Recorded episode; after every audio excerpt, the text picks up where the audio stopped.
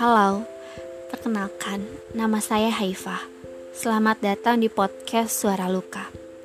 Saya tahu, luka adalah hal yang menyakitkan.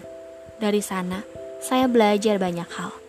Itu sebabnya, saya sering kali menjadikan luka adalah inspirasi dari setiap bait sederhana yang saya miliki.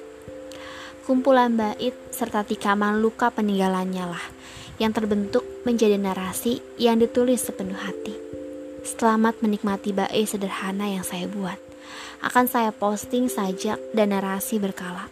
Selamat menikmati. Salam hangat saya, Ifah.